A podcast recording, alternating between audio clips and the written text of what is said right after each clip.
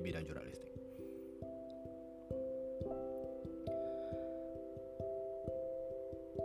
Eh, selama lima tahun itu gue udah kerja di dua tempat di TV nasional dan sekarang gue kerja di TV internasional Em, sebagai jurnalis. Tentunya menurut gue itu kerjaan yang seru banget, kerjaan yang gue suka banget kerja sebagai jurnalis karena itu sangat menantang dan juga gue bisa ketemu banyak orang dan bisa mendengarkan banyak orang gue itu sangat menyenangkan. Karena gue orang yang suka dengerin cerita orang.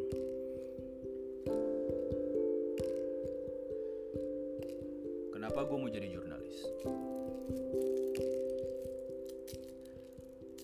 Karena simple idenya simple gue merasa hidup tuh nggak ada artinya kalau misalnya lu nggak ada gunanya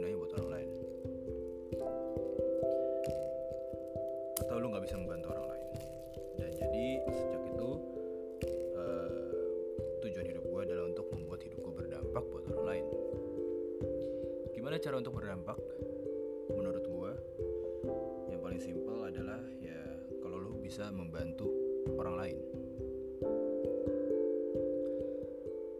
Dari berbagai pilihan eh, jurusan yang gue pilih awalnya udah kedokteran terus juga mau jadi pengacara di hukum masuk hukum di untuk menjadi pengacara. Kemudian akhirnya gue memilih untuk masuk ke bidang jurnalistik ini.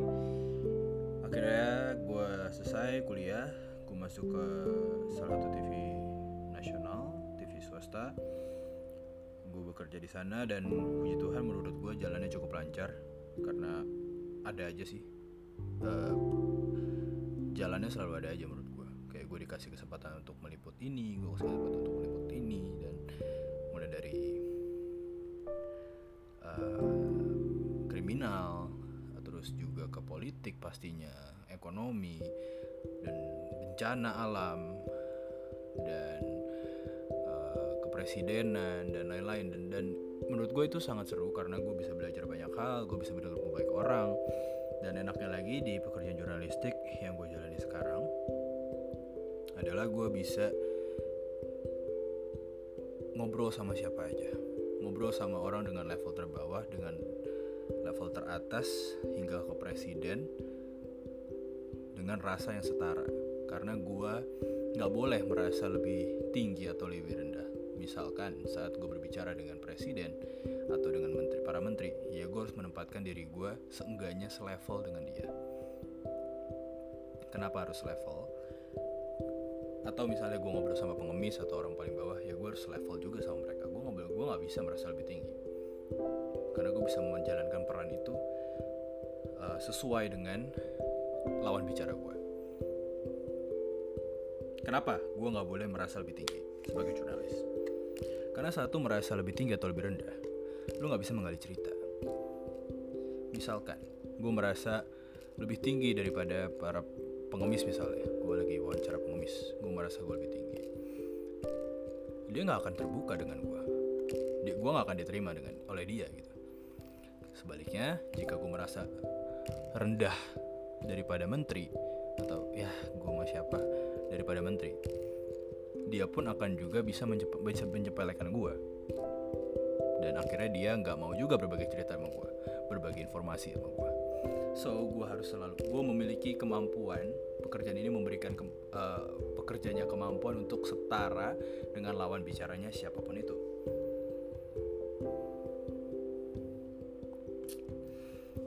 kenapa gue berasa ini bisa menolong orang? Karena dengan gue bekerja di jurnalistik gue bisa reach semua orang dari berbagai level uh, dan ini membantu orang dalam hal misalkan gue meliput di politik suatu kebijakan yang dibuat oleh menteri orang-orang masyarakat tahu dari melalui jurnalis. Kalau nggak ada jurnalis yang ngasih tahu pemerintah dan masyarakat ada gap. Pemerintah nggak bisa langsung turun ke bawah. Butuh waktu lama. Itulah gunanya jurnalis di situ.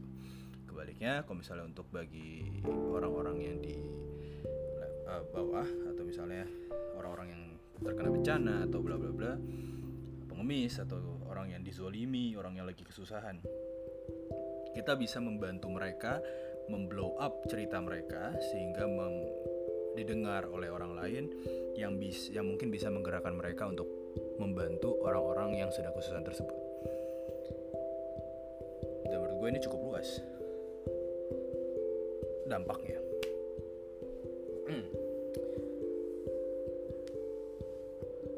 Lalu setelah sudah berjalan berapa lama pekerjaan seru ini akhirnya uh, gue sangat nikmati tentunya ada pengorbanan yang harus dilakuin. Selama gue bekerja di TV nasional hampir semua isu dipegang uh, karena lu kerja di lapangan dan lu nggak pernah tahu apa yang terjadi di lapangan. Misalkan lu sekarang lagi liputan di Jakarta doang terusnya tiba-tiba terjadi kebakaran bla bla bla sampai akhirnya jam 3 pagi itu baru kelar dan itu kebakaran besar ya lu harus sana. Dan waktu jadi musuh atau waktu jadi problem utama bagi gue karena dengan selama menjadi jurnalis di TV nasional tersebut gue gak ada waktu untuk keluarga. Gue nggak pernah gue susah banget dapetin waktu untuk bahkan cuti aja gue susah. Uh, selama hampir 4 tahun tersebut gue nggak pernah ngerasa ngerasain atau ngerayain ulang tahun gue bersama dengan keluarga kadang gue di luar kota pastilah tiap tahun gue ada aja di luar kota pas gue ulang tahun. Empat bulan enam bulan gue uh, pulang pergi pulang pergi luar kota luar kota luar kota. Balik lagi Jakarta balik lagi luar kota liputan ini akhirnya waktu habis. Bahkan lu gak ada waktu untuk diri sendiri untuk kayak sekedar recharge gitu. Susah banget bukan gak ada sulit untuk mendapatkan itu. Jadi waktu itu hal yang sangat mahal. Even saat tahun kemarin gue udah di Jakarta aja. Pas bulan tahun ada demo kan pas Mei. Gue liputan demo. Jadi gue saja waktu tuh susah banget untuk didapatkan. Dan gue merasa itu sebagai sesuatu yang kayak worth it gak ini kerjaan untuk ngilangin waktu gue sama keluarga dan lain-lain akhirnya gue cuman kerja doang? Gue rasa enggak deh akhirnya singkat cerita ada lagi jalan Tuhan. Gue mendapatkan ada lowongan di TV internasional gue coba ke sana dan gue tanya-tanya dulu tentunya dan di sana. Dibilangnya waktunya jelas seperti jam jam kantor. Jadi kerjaan gue jurnalis dengan uh, jam 9 sampai jam 6 nyaman? Yes. Itu yang gue cari? Yes tentunya dengan, dengan benefit yang lebih gede.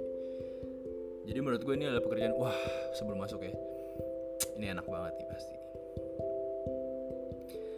Kenyataannya pekerjaan yang gue lakuin sebagai jurnalis di TV internasional dan juga nasional berbeda walaupun sama-sama jurnalis.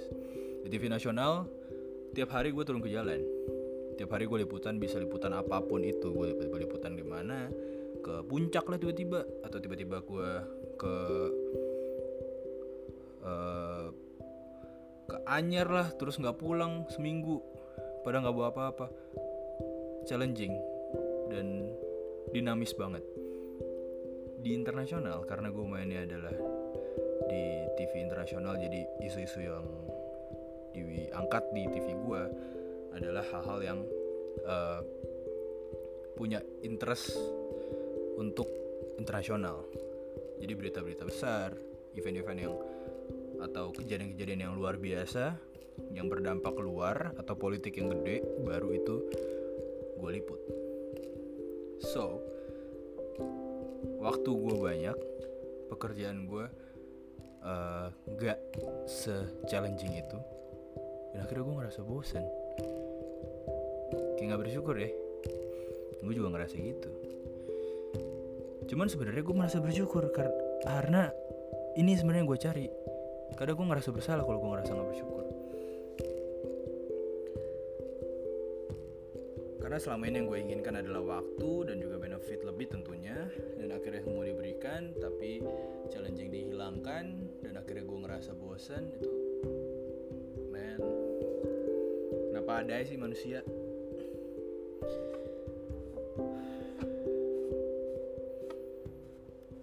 akhirnya sekarang dengan pekerjaan gue yang gue bisa bilang terlalu nyaman untuk gue nggak cuman membuat gue jadi kangen dengan apa ya dengan adrenalin yang gue dapatkan di TV nasional tapi juga membuat gue kayak hidup tuh kerja doang nyari duit. Gue jadi kehilangan goals gue di awal untuk oke okay, lu bekerja sebagai jurnalis untuk uh, lu bisa membantu orang lain lu bisa reach out to everyone. Api itu tuh hilang menurut gue dan akhirnya turns out gue kehilangan goals gue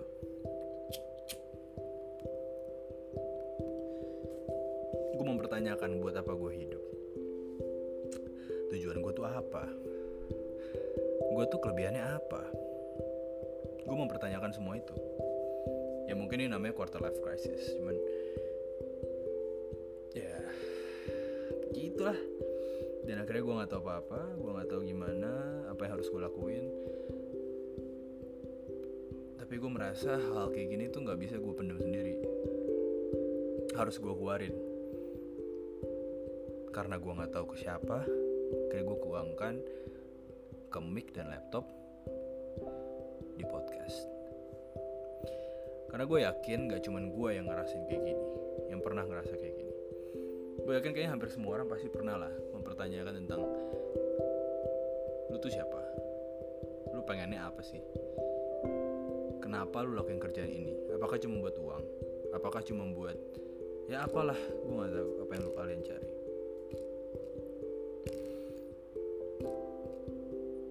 Dan sekarang gue lagi di titik itu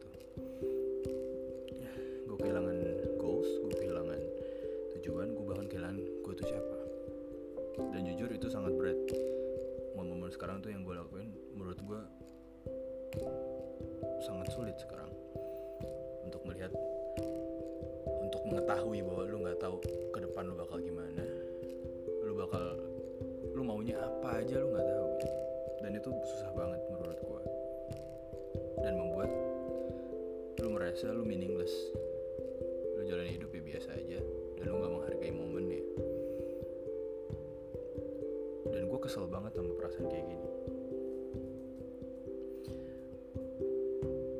masalahnya semua permasalahan yang gue alamin atau yang saat ini sedang terjadi itu cuma bisa terjawab menurut gue lewat waktu. Yang sekarang gue alamin mungkin 10 tahun lagi gue baru akan mengerti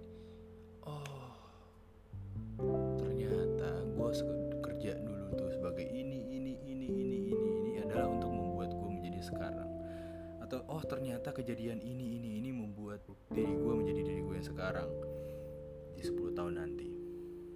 Selalu kayak gitu kan? Masalahnya lagi menjalani sesuatu yang untuk menjalaninya itu nggak gampang. Sulit banget buat gue untuk nggak tahu apa yang harus gue lakuin sekarang ke depan bla bla bla dan gue nggak bisa lihat.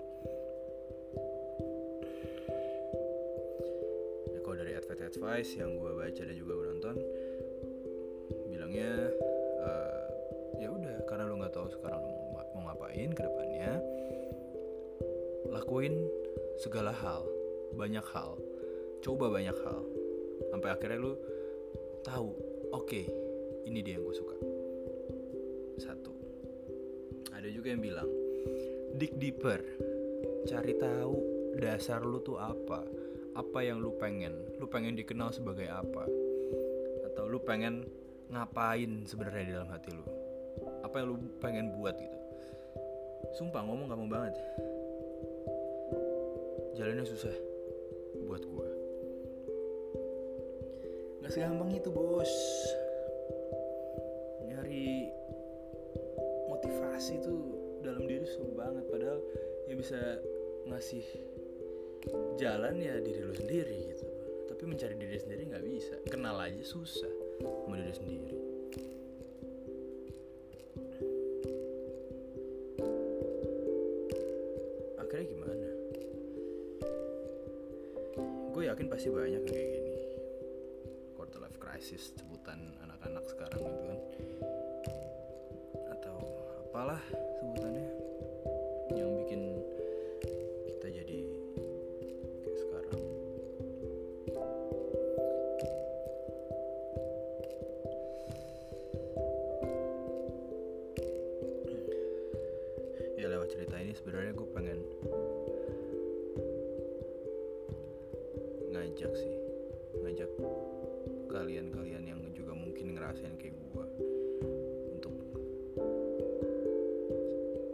sadarin kalau kalian tuh nggak sendiri.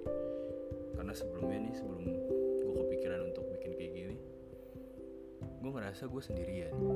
Gue ngerasa kayak fuck gue kehilangan jati diri nih. Anjir gue siapa ya? Dan gue sendirian nih gue mesti lewatin ini semua. Gue nggak tahu gue mau cerita ke siapa. Gue nggak tahu orang lain bisa ngasih pendapat apa enggak. Gue nggak tahu orang lain bisa bantu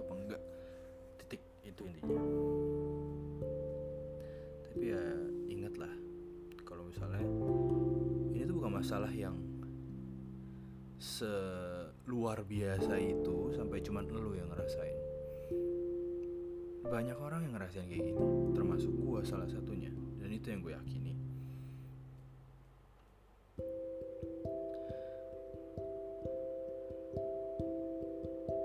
Ya pesan buat gue sendiri ya jangan nyerah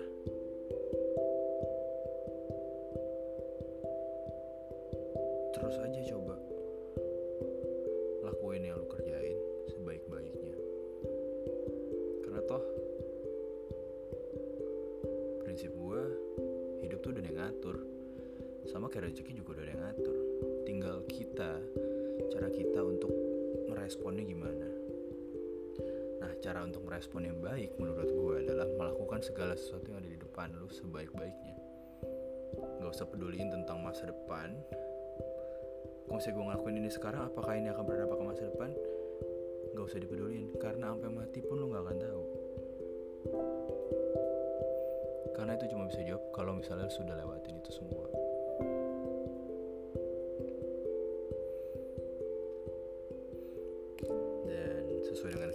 ya gue juga setuju. Selama dalam proses pencarian proses untuk mengetahui diri lu siapa coba banyak hal. Coba hal-hal baru yang lu bahkan gak pernah pikirin sebelumnya. Coba cari referensi baca-baca buku atau nonton atau ngobrol sama orang-orang yang lebih mature yang lebih udah mungkin yang sudah lama melewati ini yang sudah berhasil melewati fase ini dengan baik itu akan sangat membantu tapi pun jika kalian gak punya orang yang bisa memberikan kalian advice atau bisa diajak cerita yang menurut gue cukup personal, cukup dalam uh, dan butuh advice yang juga dalam.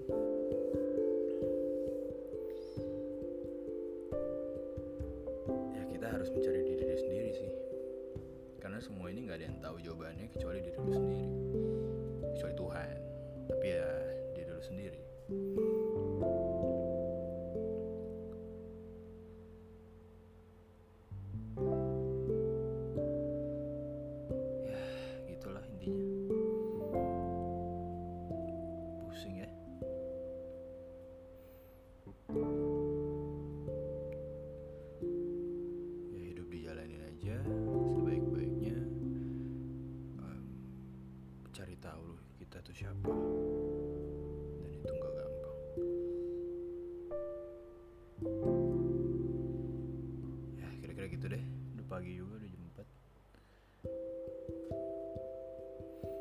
Kasih mic dan laptop sudah mendengarkan omongan saya